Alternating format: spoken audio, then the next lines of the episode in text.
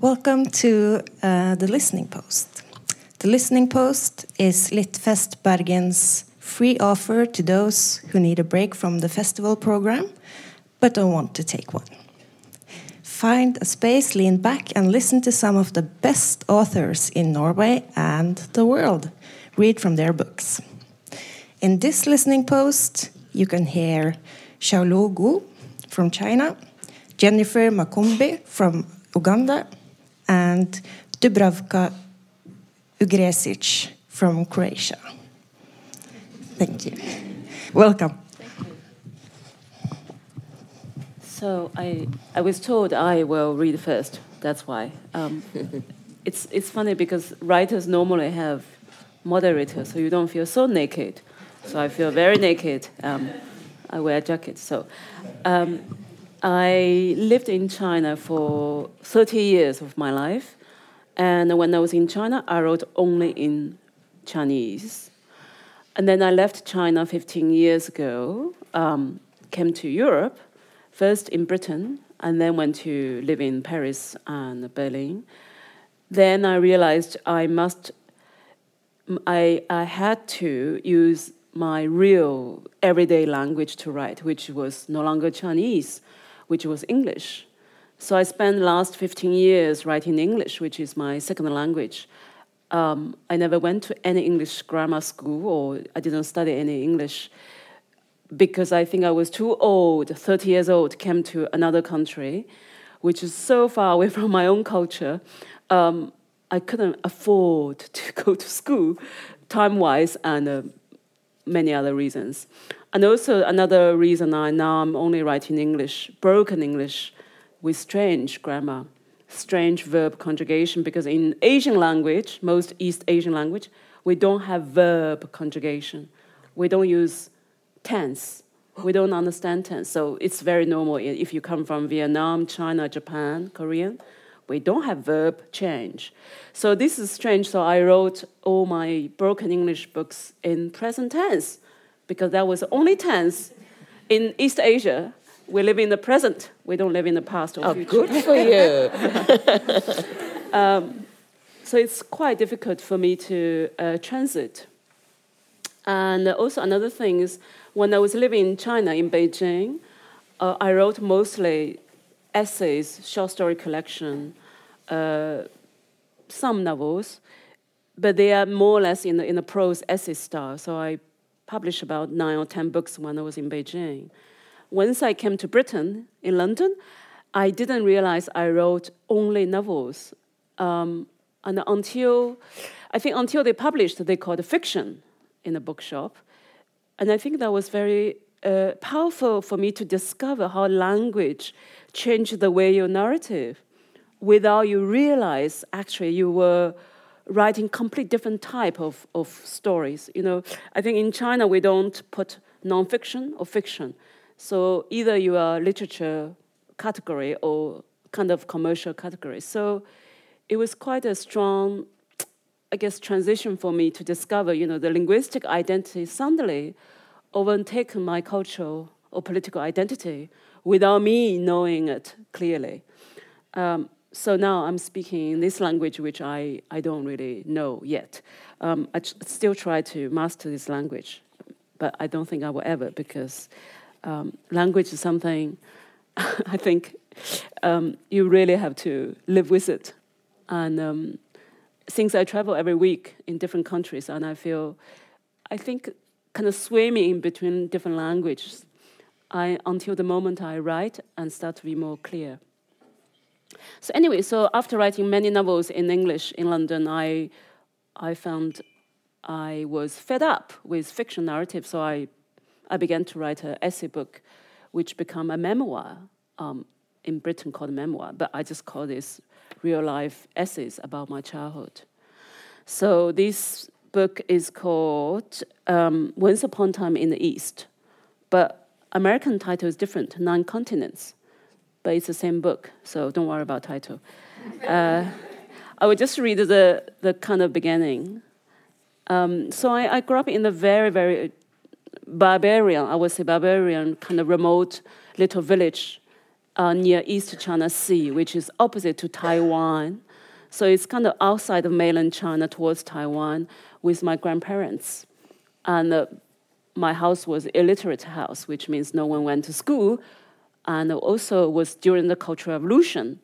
Um, at that time, Chinese people were proud of um, no education. Unlike now, we were desperate to enter the Harvard or Oxford. But time changes. Okay, I was born in 1973. That was during the Cultural Revolution. You know Cultural Revolution, so that's most horrible time, I think, during Mao or after Mao regime. So that section in the beginning. After I was born, I was born an orphan, not because my parents had died. No, they were both still very much alive. Rather, they gave me away. Of course, I don't remember anything specific about my first two years, none. No one in my family does. As a newborn, I had been given to a peasant couple who lived in a mountain village somewhere in our province by the East China Sea. And many years later, I was told a story that my mother could not raise me as my father had been imprisoned in a labor camp at that time. So that's where I lived, on that mountainside, for the first two years of my life. The only memory I have is a false one, and told to me by my grandparents, who recounted the day when the barren couple from the highlands brought me, the unwanted child, back down the mountain to them. Only a baby, and already given away twice. That couple had found out where my grandparents lived and taken the long distance bus all the way to our humble home.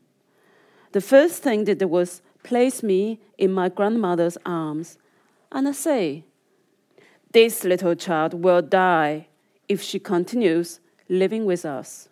She's dying, and you can see that. We have nothing to eat. We only manage to grow 50 kilos of yam every autumn. But we need to save them and to sell at the market. So we have been feeding her the mashed leaves. But every time she sees the green mush on the spoon, she turns her head away or she spits it out. She refuses to eat anything green anymore. You know, we don't have much rice, or so the leaves are all we have. Look at her, look at her. Her face is yellow and her limbs are weak. She never stops crying. She wouldn't eat. She won't survive if she stays with us. So take her back. We beg you, take her back. Take her back right now. We know we could not conceive, but we don't need a dying baby. We beg you to take her back. My grandparents were perplexed, perplexed, perplexed upon receiving me. They had nothing to say, since they were not the ones who had sent me to this family in the first place. So they took me without word. From that day on, I lived with my grandparents by the sea. And my adopted parents returned to their yams, never to be heard of again. I was told later that the family bore the name Wang, and that they lived on a mountain with their yams and apparently a few goats. Since the woman was infertile, or perhaps the man was infertile, but with peasants, the woman is always to blame. She had no milk for me at all. So I often wonder if she fed me with goat's milk or whether their goats produced any milk at all. In China, at that time, no one drank animal milk. We were all lactose intolerant. So they must have fed me with some soy milk before I had teeth. What else could they have done with a starving baby whose mother had decided to give her away to a family with no milk? I will never know.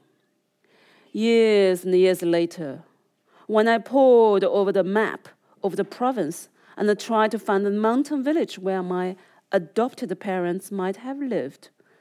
I was struck how many there were scattered across the country, and how many nameless places were marked only by obscure yellow and green little dots.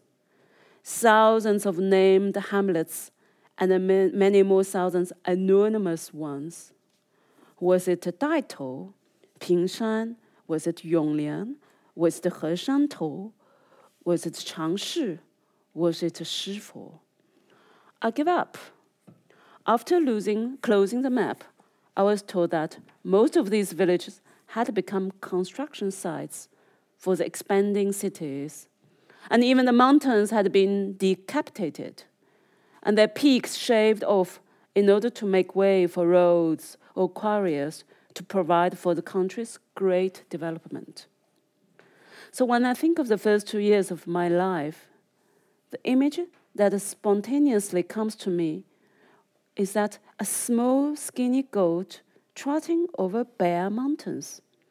Where's all oh, the succulent grass that will satisfy her hunger? Where is the water to quench her thirst? The mountains naked. There are only rocks and fertilizer poisoned soil.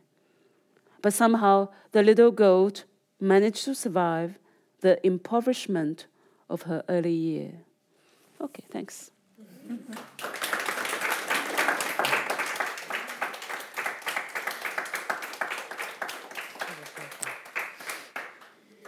Um, I'm going to read from my novel, Kintu. Uh, this is the hardcover, the soft cover looks different. Um, um, Kintu is about uh, a man in the 1700s, Buganda Kingdom, before Buganda Kingdom became Uganda, who was on the way to the king, to see the king, the new king, and he inadvertently uh, kills his um, adoptive son on the way. And uh, when he returns home, the biological father of the boy, who was his servant, curses him. He curses him and his family. But this, the book opens in 2004 when one of his descendants, something horrible happens to one of his descendants. And then it goes back to the 1700s and you meet this chief. And then you come back to the 2000s and see four other uh, characters who are his descendants. But the part I'm going to read is just is the opening, just before something goes absolutely wrong. So this is in Bwaise, um, one of the slums in Kampala, and this happened on the 5th of January. It was a Monday in 2004. So there was a knock and Kam's woman woke up to, and climbed over him to get the dough. She picked a kanga off the floor and wrapped it around her naked body. Sucking her teeth at being disturbed so early in the morning, she walked to the door with the annoyance of a proper wife whose husband was at home. Now, the woman considered herself Kam's wife because she had moved in with him two years earlier and he had not once thrown her out. Every night after work, he came home to her, brought shopping, ate her cooking. It was always ravenous. When she visited her parents, Kam gave her money so she did not go home empty handed. That was more than many certified wives got. Besides, she had not heard rumors of another woman. Maybe Kam banged some girls once in a while, but at least he had not flaunted it in his in her face. The only glitch in her quest to become Kam's full wife was that he still wore a condom with her, with his seed locked away. She had not grown roots deep enough to secure her future uh, against storms. A child was far more secure than waddling down the aisle with a wedding ring and a piece of paper. Nonetheless, she would bide her time Condoms had been known to rip. Besides, sex with a condom is like sucking a sweet in its wrapper. Kam would one day give it up. The woman unbolted the door and pulled it back. She stepped outside on the veranda and stood stern, arms folded. Below her were four men, their breath steaming in the morning air. Their greetings were clipped, and their eyes looked away from her as if they were fed up lenders determined to get their money back. This thawed the woman's irritation, and she moistened her lips. The men asked for calm, and she turned to go back to the inner room. The woman squeezed between behind the sofa and went back to the inner room. Kam was still asleep. She, she shook him gently. Come, come. Some men at the door want you. Kam got up. He was irritated, but the woman didn't know how to apologize for the men. He pulled on a t shirt which hung loose and wide on him. When he turned, Chicago Bulls had carved on his back. He then retrieved a pair of gray trousers off a nail on the wall and put them on. The woman handed him a cup of water, and he washed his face and rinsed his mouth. When Kam stepped out of the house, each man bid him good morning, but avoided looking at him. Oh, come with us, Mr. Kintu. We, we need to ask you some questions, one of the men said as they turned to leave. Kam shrugged. He recognized the men as local councillors for Bwaise Central. LCs, he whispered to his woman, and they exchanged a look. LCs tended to ask pointless questions to show that they were working hard. So as he slipped on a pair of sandals, Kam was seized by a bout of sneezing. Maybe you need a jacket, his woman suggested. No, it's my morning hay fever. I'll be all right. So, still sneezing, Kam followed the men. He suspected that a debtor perhaps had taken matters too far and reported him to the local officials. They had ambushed him at dawn before the day swallowed him. It was envy for his new stereo and TV, no doubt. So they walked up, uh, they walked down a small path across a rubbish choked stream, past an elevated latrine at the top of a flight of stairs. The grass was so soaked that it squished under their steps.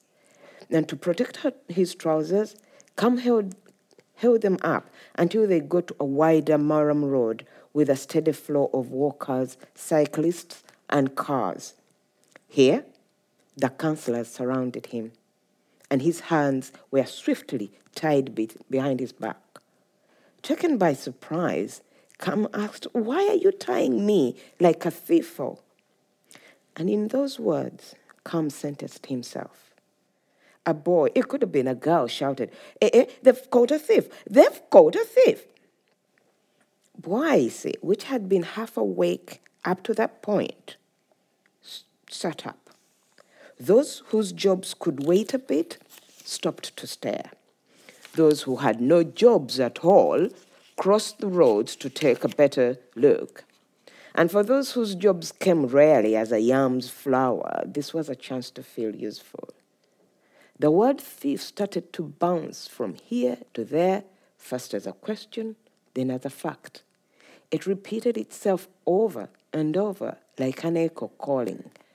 The crowd grew, swelled by insomniacs, by men who had fled hungry stares of their children, by homeless children who leaped out of the swamp like frogs, by women gesturing angrily. Let him see it. Thieves keep us awake all night. And by youth who yelped, We have him. The councillors, now realizing what was happening, hurried to take Kam out of harm's way. But instead, their haste attracted anger. Where are you taking him? The crowd, now following them, wanted to know. The councillors registered too late that they were headed towards Bwaise Market. A multitude of vendors who had councillors had already seen them and were coming. Before they even arrived, one of them pointed at the councillors and shouted, They are going to let him go. I'll stop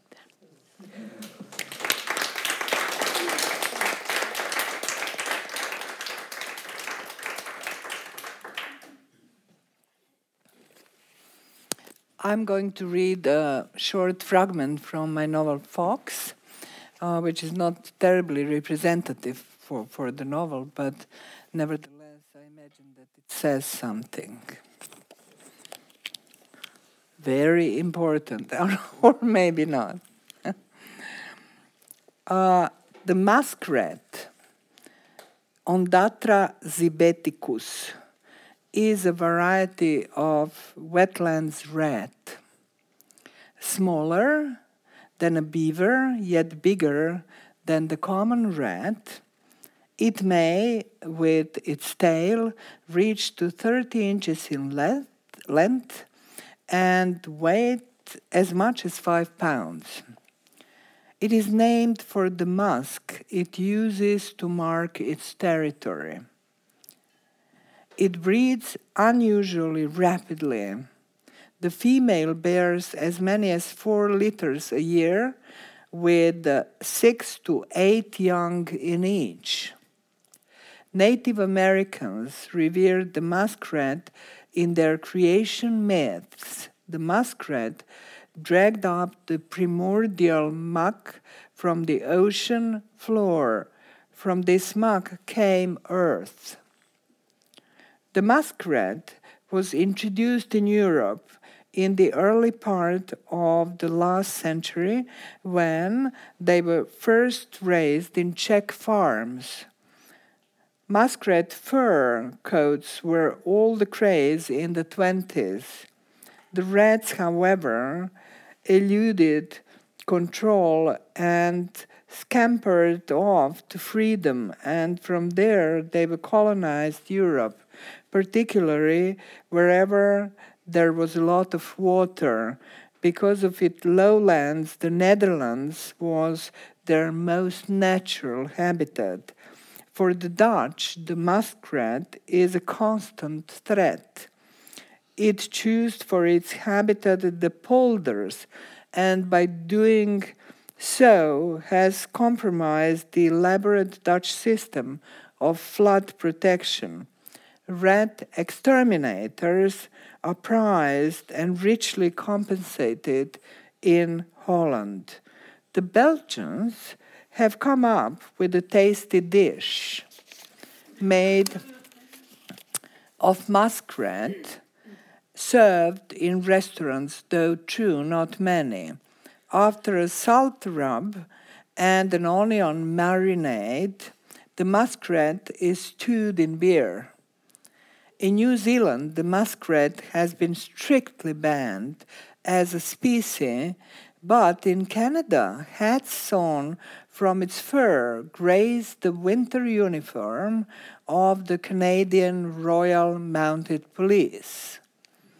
These details about the muskrat are a rambling prelude to a brief incident described to me by a Dutch friend a writer.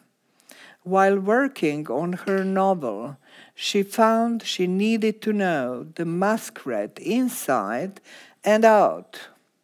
She acquired a freshly butchered one, skinned it, and, recalling dissection class in high school biology, she cut it open.